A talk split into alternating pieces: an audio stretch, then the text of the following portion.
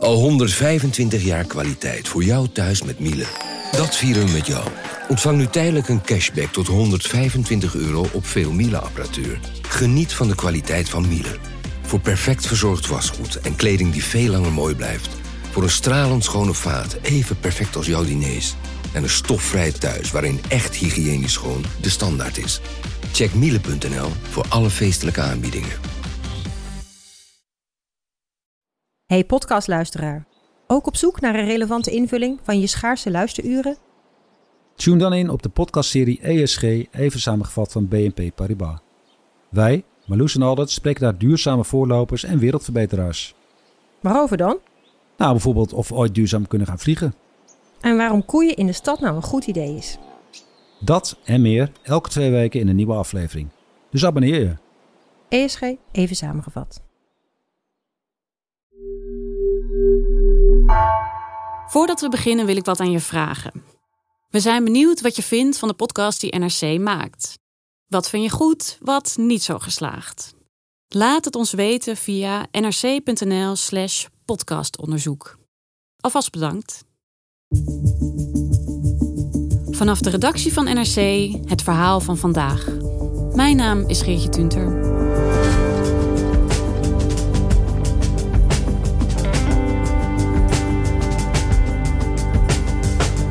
Vorig jaar gingen ze niet door, maar deze week was het zover. De eindexamens gingen van start. Onderwijsredacteur Patricia Veldhuis volgde een Arnhemse VMBO-klas in hun laatste jaar en zag verveling, eenzaamheid en stress. Maar ook examenkriebels. Hoe is het om eindexamen te doen in coronatijd?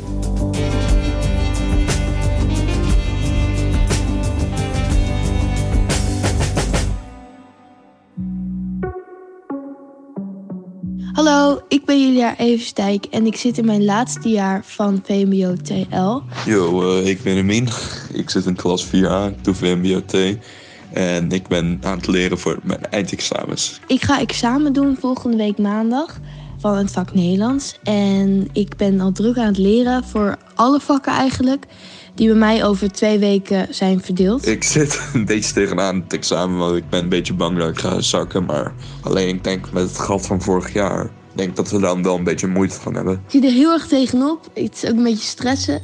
Maar ik denk dat hoe ik nu geleerd heb, dat het goed moet komen. We horen hier twee leerlingen van het Guido de Bres in Arnhem. Dat is een VMBO-school.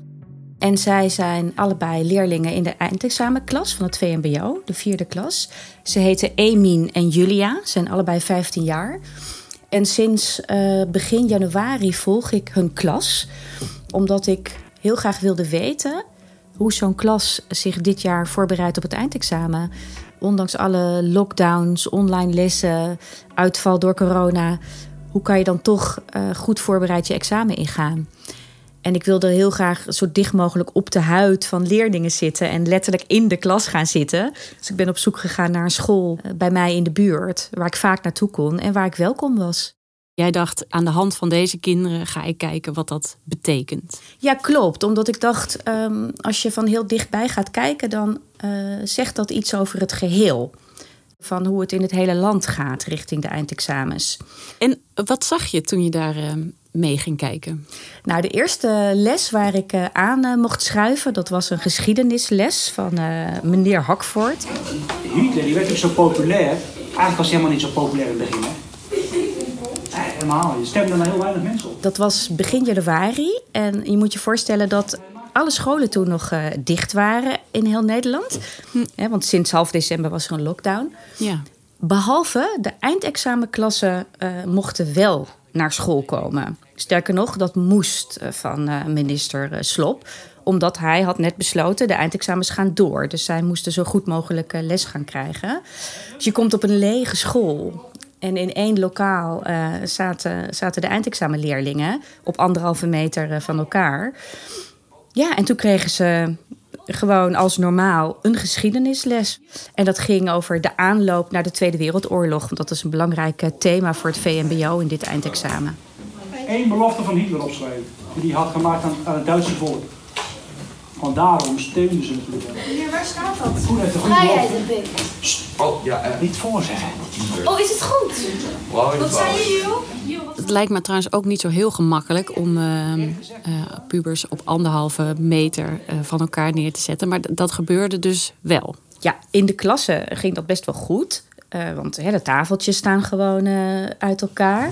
Maar wat je zag, en dat is ook wat ik hoorde van de directeur en de docenten: van ja, hou die pubers maar eens eh, op afstand van elkaar. Dat gaat bijna niet. Weet je, we hebben het hier over leerlingen van 15, 16 jaar. Zodra ze uit het lokaal kwamen, ja, eh, sprongen ze letterlijk weer bovenop elkaar. En je moet je ook voorstellen, hè, dit zijn ook eh, leerlingen die hele lange tijd verder niet zo heel veel konden. Hè? Dus daar hing ook iets heel ja, vrolijks en uitgelatens in de lucht. U zei, ben je klaar? Ja. Ze bijna. Dus eh, ja, ontzettend leuk. Maar heel lang hebben ze er niet van kunnen profiteren. Want na een aantal weken werd ik gebeld door de school. Van ja, ehm, er is een corona-uitbraak in jouw klas. Het is begonnen bij de vader van een van de leerlingen in de klas, Isa. Eh, zij zat op een maandagochtend in de klas. eh, en toen werd de school gebeld door haar vader dat hij een positieve test had. Eh, toen heeft de huismeester eh, Isa uit de klas gehaald. Direct naar huis om ook te testen. Zij bleek positief. En vervolgens eh, zag je. Zij zaten in lokaal 13, het oude handvaardigheidslokaal. Omdat dat groot genoeg was om anderhalve meter afstand te bewaren. Maar desondanks was het virus toch overgesprongen van Isa naar Emin en naar nog vier leerlingen en de docent aardrijkskunde, die best wel ruim van elkaar afzaten. Dus je ziet hoe ingewikkeld het is om als het virus eenmaal binnen is, om het, om het tegen te houden, zeg maar. En hoe ging de school daarmee om? Nou, toen duidelijk was dat er in heel korte tijd een tweede besmetting was, eh, heeft de directeur, Janine van Drieënhuizen, besloten om de hele klas naar eh, huis te sturen. Dus ja, toen zaten ze weer thuis met z'n allen. Ja, hoe was dat voor deze leerlingen? Ja, dat was heel sneu. Ik heb in die week dat ze thuis zaten eh, met een aantal van hen gebeld. Onder andere ook met Emin, die dus ook eh, positief bleek te zijn. En hij werd er ook echt ziek van. Eh, hij is een beetje astmatisch. En ja, hij, hij had echt last van benauwdheid. Hij was heel moe een aantal dagen. En hij maakte zich erg zorgen, want zijn moeder heeft een longziekte. Dus dat betekende voor Amy dat hij echt in een hele strikte quarantaine moest. Hij zat op zijn kamertje. Hij woonde in een flat in Arnhem. Uh, zij had niet heel veel ruimte. Uh, hij kwam alleen van zijn kamer af om te douchen en om naar de wc te gaan. En zijn moeder zette drie keer per dag eten voor de deur. Dan klopte ze aan en dan moest hij twee minuten wachten. Deur open doen, eten pakken, deur weer dicht. Ja, dus dat was echt wel even heel naar. En is het zijn moeder bespaard gebleven? Ja, gelukkig. Gelukkig. En hij was zelf ook, na een paar dagen voelde hij zich een stuk beter. Dus uh, nee, dat is helemaal goed gegaan. Ja, ik, ik, kan me voorstellen dat het een heel grote opluchting is geweest. Hè, dat in ieder geval zijn moeder dus niet besmet is geraakt. Maar als je naar hem kijkt, het is niet echt ideale voorbereiding op je eindexamen. Nee, totaal niet. Het is natuurlijk niet uh, uh, ideaal om op deze manier je te moeten voorbereiden. Weten we daar eigenlijk al wat over? Wat voor impact de pandemie tot nu toe heeft gehad op resultaten van leerlingen? Ja, dat is lastig om te zeggen. Um, we weten het vrij precies van leerlingen op de basisschool. Daar zijn hele goede onderzoeken naar gedaan. En daar konden ook goede onderzoeken naar gedaan worden, omdat basisschoolleerlingen gedurende hun hele schooltijd, acht jaar lang, uh, gevolgd worden uh, in het leerlingvolgsysteem. Bij middelbare scholen is dat anders. Middelbare scholen hebben niet zo'n leerlingvolgsysteem. Dus je kunt wel per school uh, vragen van, goh, wat, wat zien jullie nu hè, ten opzichte van andere jaren? Maar landelijk is er nog niet echt een heel goed beeld. En op zich is dit ook een van de belangrijkste redenen waarom het eindexamen dit jaar door moest gaan. Omdat het heel belangrijk is om een soort landelijk meetmoment te hebben. Ja, want Eh, dit jaar zijn er dus wel eindexamens. Vorig jaar is dat niet gebeurd. Maar hoe werd toen dan bepaald of iemand geslaagd was of niet? Ja, toen konden, uh, als je het simpel zegt, de scholen zelf bepalen of iemand uh, was geslaagd of gezakt. want het cijfer werd bepaald op basis van de schoolexamens. En die schoolexamens, dat is het totaal van alle toetsen en opdrachten die scholen zelf geven aan hun leerlingen in het eindexamenjaar. En in een normaal jaar bepaalt dat de helft van je eindcijfer. En nu het dus alleen het schoolexamen was en leerlingen ook nog een kans kregen om hun cijfers op te halen met, ja, dat noemden ze dan vorig jaar de resultaatverbeteringstoetsen. Ja, dat leidde tot een heel groot aantal uh, geslaagden, veel meer dan in een normaal jaar. Alleen wat je zag is dat met name hogescholen en universiteiten waren er niet zo blij mee. Want die kregen veel meer eerstejaars dan in andere jaren. En zij hebben ook heel sterk gelobbyd het afgelopen jaar bij het ministerie van Onderwijs om het eindexamen dit jaar wel door te laten gaan. Omdat zij bang zijn van ja, uh, A, we krijgen heel veel meer studenten dan in andere jaren. Te veel misschien wel? Uh, te veel misschien wel. Mm -hmm. En B, hoe weten we of die studenten die in een normaal jaar misschien gezakt waren, of die het wel gaan redden bij ons? En dat is een hele interessante discussie. Want ik sprak een onderzoeker van de VU, Martijn Meter. En uh, hij heeft onderzoek gedaan naar uh, verschillende cohorten leerlingen. Om te kijken van wat voorspelt nou hun succes in het hoger onderwijs. En dan heeft hij ontdekt dat het schoolexamen eigenlijk een veel betere voorspeller is voor studiesucces dan het eindexamen. En hij heeft ook gekeken naar uh, de eerstejaarsstudenten die nu aan de VU zitten. Van, hè, doen die het dan slechter dan uh, andere jaren? En daar is geen sprake van. Bij het uh, vervolgonderwijs zijn ze dan dus toch nog blij dat die schoolexamens er dit jaar wel zijn, die eindexamens. Ja. Mm -hmm. Waren ze bij het Guido ook uh, ja, tevreden met, met die eindexamens, dat die er weer zijn? Nee, eigenlijk niet. Uh, ze zijn dit jaar sowieso veel meer bezig met het welzijn van hun leerlingen dan met de cijfers. Um, Janine van Drieënhuizen is de directeur van de school. En zij zei ook letterlijk tegen mij dat ze, dat ze vooral daar uh, op gefocust zijn.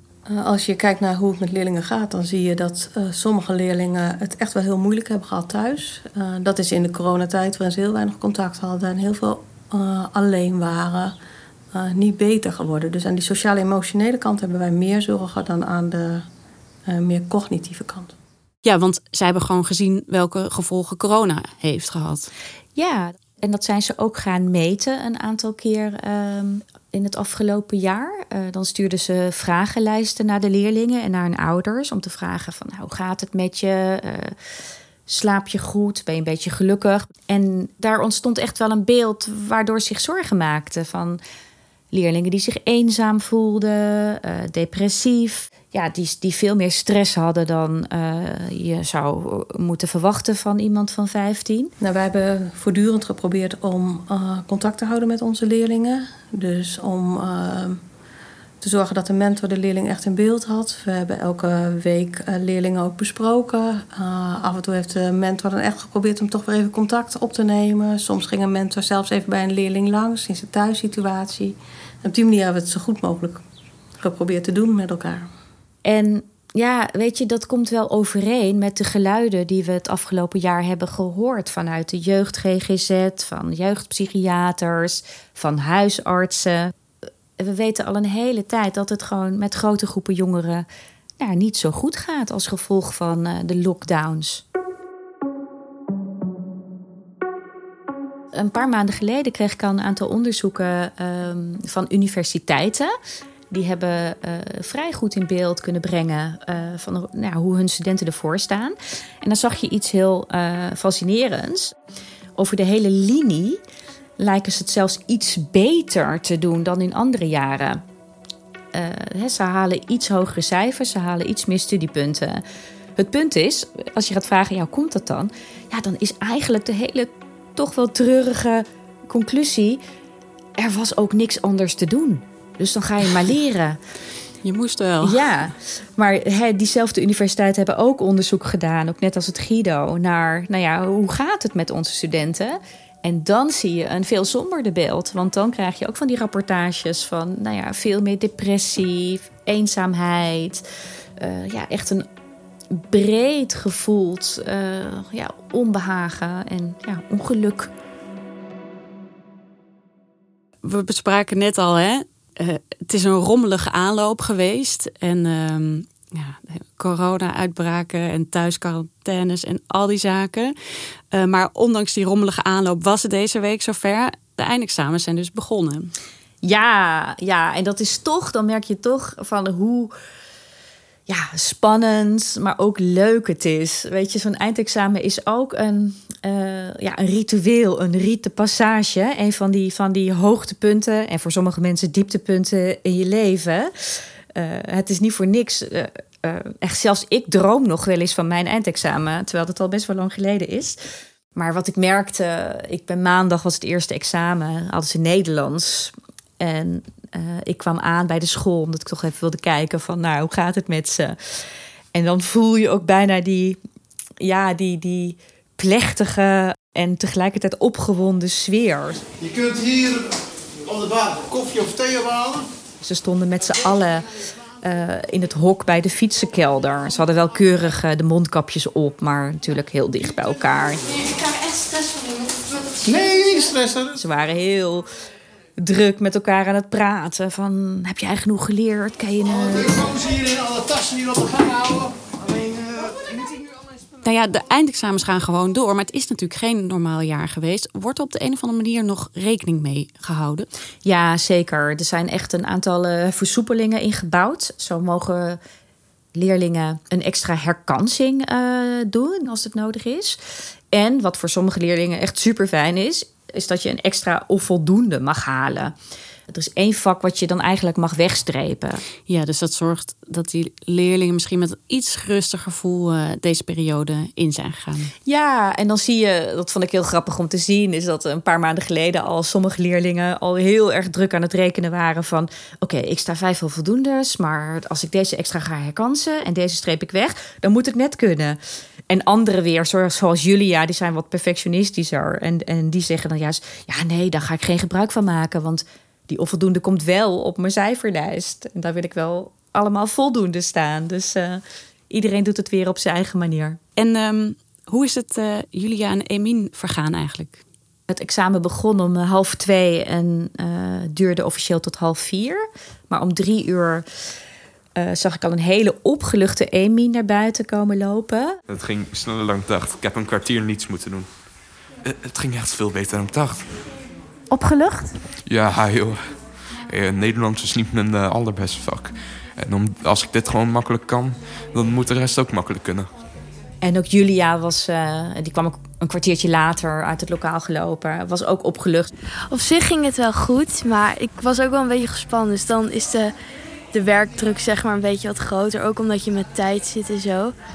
Uh, en omdat er mensen om je heen zijn. Dus je zit niet echt in een chille omgeving, zeg maar.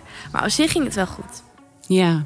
En wanneer horen ze eigenlijk of ze geslaagd zijn? Uh, dan moeten ze nog een paar weken geduld voor hebben. Op 10 juni wordt de uitslag uh, bekendgemaakt. En, wat denk je? Ja, zij gaan slagen. Zeker weten. Dankjewel, Patricia. Graag gedaan.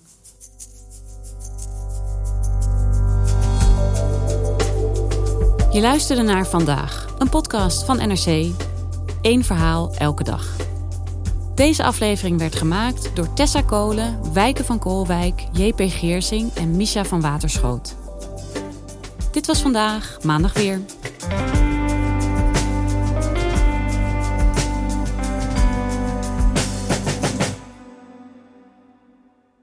Technologie lijkt tegenwoordig het antwoord op iedere uitdaging.